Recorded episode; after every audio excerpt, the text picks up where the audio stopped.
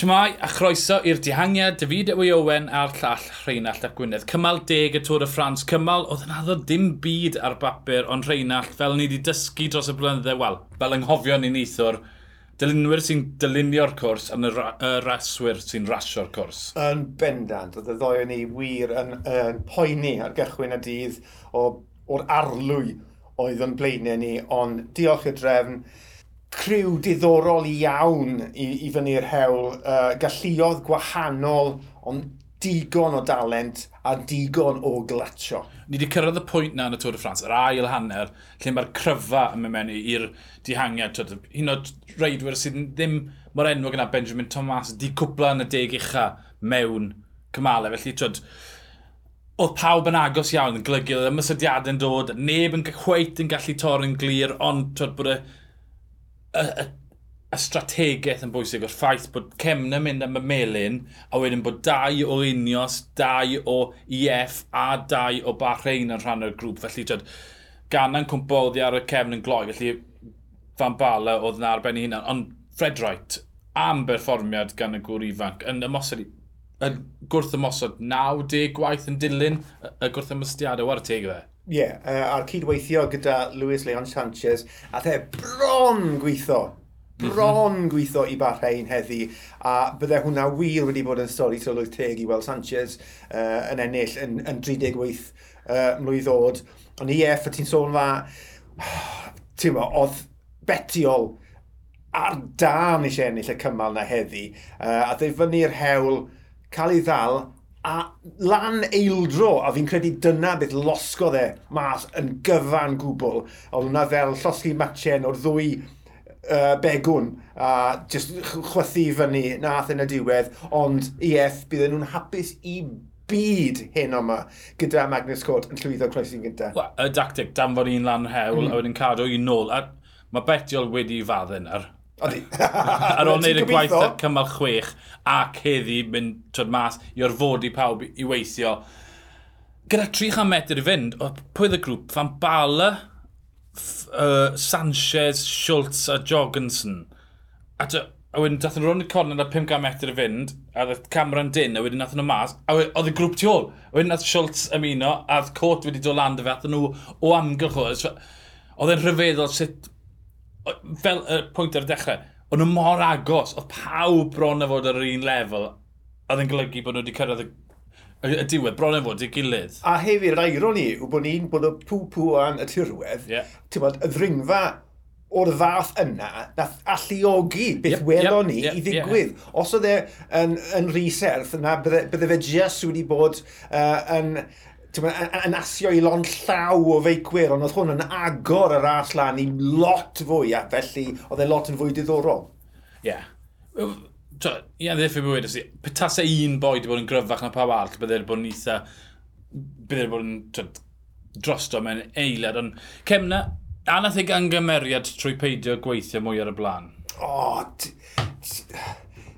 dwi yn dieddol o gytuno da ti fyna, achos oedd na gyfnod ar y ddringfa yna lle oedd e'n start stop, start stop, a oedd e wedi e, e lladd y momentum yn y grŵp yna, a pwy a wyr faint o amser, ond dwi'n digon parod i dderbyn dy ddyfaliad di o hanner munud. Yn sicr, rhyw hanner munud fyna yn yr dachrau stopio, dechrau stopio. Dylse fe jyst wedi rhoi ben y lawr a ti'n bod, ceisio torri'n rhydd, a falle mynd ar rhywun gyda fe, a wedyn ni, ti'n bod, ail ffilfio rhyw grŵp, ond, ie, yeah, fi'n credu, go, go, gollodd e gysylltiad gyda'r hyn oedd yn digwydd ar yr hewl ar bryd hynny. Uh, Mi'n credu problem oedd, oedd y dring mor hir, 19 km, mae hwnna'n dros hanner awr. Bydde fe wedi bod o ben i hynna yn y gwynt, 400 mae yna effaith cuddio yn y sgilwynt. Felly, petase, fe wedi gyda 10 km i fynd wedi cymryd y baich, wedyn bydde wedi gallu saf, tod, enll y Cris, ond oedd e'n agos petase'r peloton wedi rhoi'r gorau iddi bydde wedi cadw'r Cris. Felly, tod, dim yn bai efo gorma, agos iawn, siom, ond fi'n credu tyfu o Ben y O'Connell le ni, mae e'n mynd i tod, fod lan a falle colli amser yn, yn ralpe wedyn gallu ymosod to cwmpa nôl. Mae ma cemna fath na reidio yn dweud. Odi, yr unig beth sy'n poeni fi yw'r hyn sydd yn ei goesau fe yn barod. Oedd e, e yn weithgar iawn yn y Giro d'Italia. Uh, a oedd e yn un o'r boes yna nath helpu y tîm fynd a'r Cris Coch adre gyda nhw. Fi jyst yn gobeithio bod e ddim wedi wneud gormod. Mae yna sôn am Matthew van der Pŵl, y ffaith bod e wedi wneud gymryd y waith yn, yn y giro, bod hwnna nawr wedi dal lan gyda fe. Fi jyst yn gobeithio na fydd hynny yn digwydd i cemna, achos ti'n bod, snedd fel cemna i, i, i danio ras, os e, a mae nawr reit yn uchel yn y dosbarthiad. Mae'n siŵr bod ddim wedi disgwyl na uh, yn ystod y Tour de France, ond mae mi ofyn cwestiwn nawr, beth mae bora am ni'n neud yn y sefyllfa yma? Ie, uh, yeah, gen i weld fori.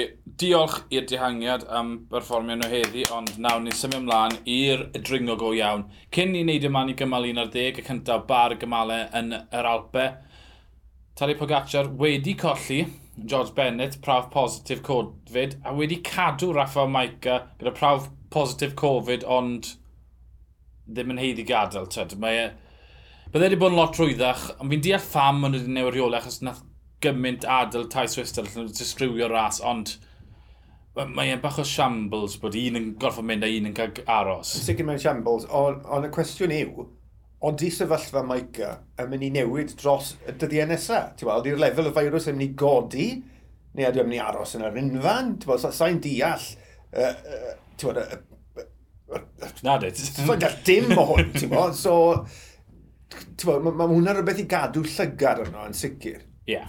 Um, mae ma Maica yn holl bwysig. Mae Soler wedi deffro, mm -hmm. yn mhm. amlwg oedd e'n cuddio yn y cefn yn, yn cadw'r egni, wahanol i Hershey sy'n sgrifio mewn chydig bach o drafferth. Mae Soler wedi dod i'r blaen i wneud y gwaith, a mae Maica'n holl bwysig. Fori, maen nhw'n dringo i fyny'r telegraff, i fyny'r gylibiau, sy'n mae'r copa'n dod 2,642 metr i'ch ben y môr.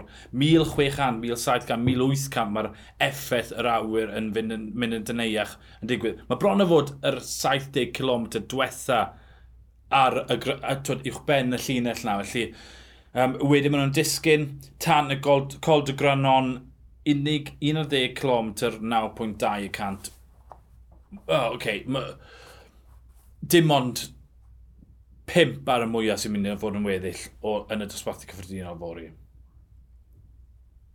Ie, yeah, dwi'n cymryd hynny. Ie, yeah, ydw. Ie, yeah, mae ma, ma, ma fori y diwrnod heriol iawn cynta yn y mynyddodd a mae'n rhaid i gofio tywydd hefyd ie, yeah, mae'n ma mynd i fod yn glatiad go heg ar fori a mae'n mynd i fod yn sioc i'r system i nifer o feicwyr.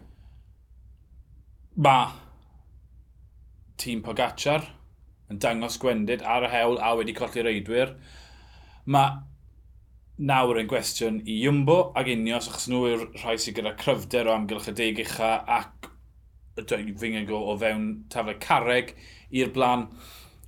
Wyt ti'n ymosod fori? Sut wyt ti'n ymosod fori? Wyt ti'n gadael y cymal i fynd? Os ti'n iwmbo, os ti'n unios? Wel, ti'n mo. Mae yna drafod wedi bod dros y dyddiau diwetha uh, ymysg y tîmodd uh, beth mae angen i wneud uh, er mwyn curo Pogacar. So, rhywben dwi yn disgwyl tactegau, defnyddio'r rhifau bell mas. Nawr, yn y rhagolwg, o'n i'n trafod mae falle yn y Pyrenee gyda'r cymalau mwy byr, lle, lle mae'r cymalau mynd lan lawr, lan lawr, lan lawr, a bod e fwy debygol o ddigwydd fel ond mae gymryd y bethau wedi digwydd yn yr ras hyn mor belled. Y ffordd mae Pogacar yn bihafio bod wedi mynd ar Cris cyn maen nhw'n dechrau dringo ac yn dwy'n neliadau ar ddiwedd pob cymal, dwi ddim yn sicr, dwi, tywa, allai, allai ddim gweld o bosib iawn, newn nhw ddechrau syth bin y fori, ti'n mo? Oce, okay, dyna fi newid y cwestiwn. Gwe bod ti yn rheol o'r tîm Iymbo, bod ti'n gwybod bod Jonas Fingago yn dangos cryfder gorau i erfa, bod, chi, bod ti'n meddwl bod Fingigo yn gystadleuo, a bod Roglic wedi adfer, bod e ar lefel Pogaccia, bod nhw'n lan na, sut bydde ti'n taclo'r cymal? Wel, fe allai ti adael e tan y granon, Tyba, dwi e ddim yn bell tu ôl Pogaccia, Tyba, sy'n eisiau ti roi holl wyau mewn i un, un fasged. Tyba, allet ti dynnu yn ôl mewn increments a mae ma yna ddigon o ddringfa yn y granon iddo fe i ba, ymosod ac rhoi amser mewn i Pogaccia. Mae'r sôn bod, bod e ddim yn licio uh, y tymeredd y poeth, a mae'n boeth iawn mas yn Ffrainc, um, a, ac awr ddringfeidd hir fel hyn, y dylsyd gweld um, Fingago yn llywyrchu. Dwi jyst ddim yn siŵr bod nhw'n mynd i ddechrau mor gynnar â hyn, y, y ddringfa ola ond dyn. Falle bod nhw'n mynd i weithio i ffordd mewn i'r dringo yma, ti'n fawr. Os byddwn ni'n niambo a bod yn credu bod e'n gysylu ar y Pogaccia, byddai jyst yn o'r eiliau cyntaf mynd amdani. Dim tactegau, jyst mynd tren a ceisio llorio fe. Nawr, os maen nhw ddim yn credu bod e'r un lefel, byddai'n danfon Roglic ar y telegraff o 80 km mas. Waw, no, na, dim ar y telegraff, ar y gylibiau, yn yr awr tenau. Llosgi'r tîm, dynyddio cws, benwt, Kreisfeg, ar un cyntaf, cliro mas tîm Pogacar wyn dam o'r Roglic. Mae rhaid i Pogacar ymateb i Roglic. Falle bod nhw'n gallu rhoi munud, ond fi'n credu bod yn werth ceisio rhacs fe, oherwydd bod y dringfeidd mor hir ac oherwydd bod yr uchder yna.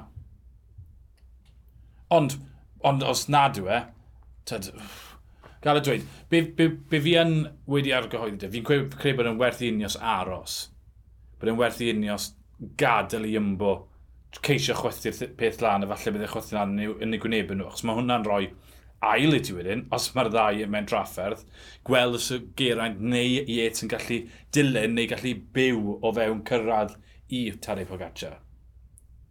Gen i weld. Gen i weld. Fori, methu aros, ni dau yn sylwebu gyda'n gilydd, methu aros. Uh, Mae ras yn mynd i ffrwydro, methu aros. Ymunwch dyn ni nos fori wedi'r cymal i drafod digwyddiadau. Ond y fyd yw Owen, a'r llall, mae'n allaf Gwynedd, ni'r dihangiad, hwyl.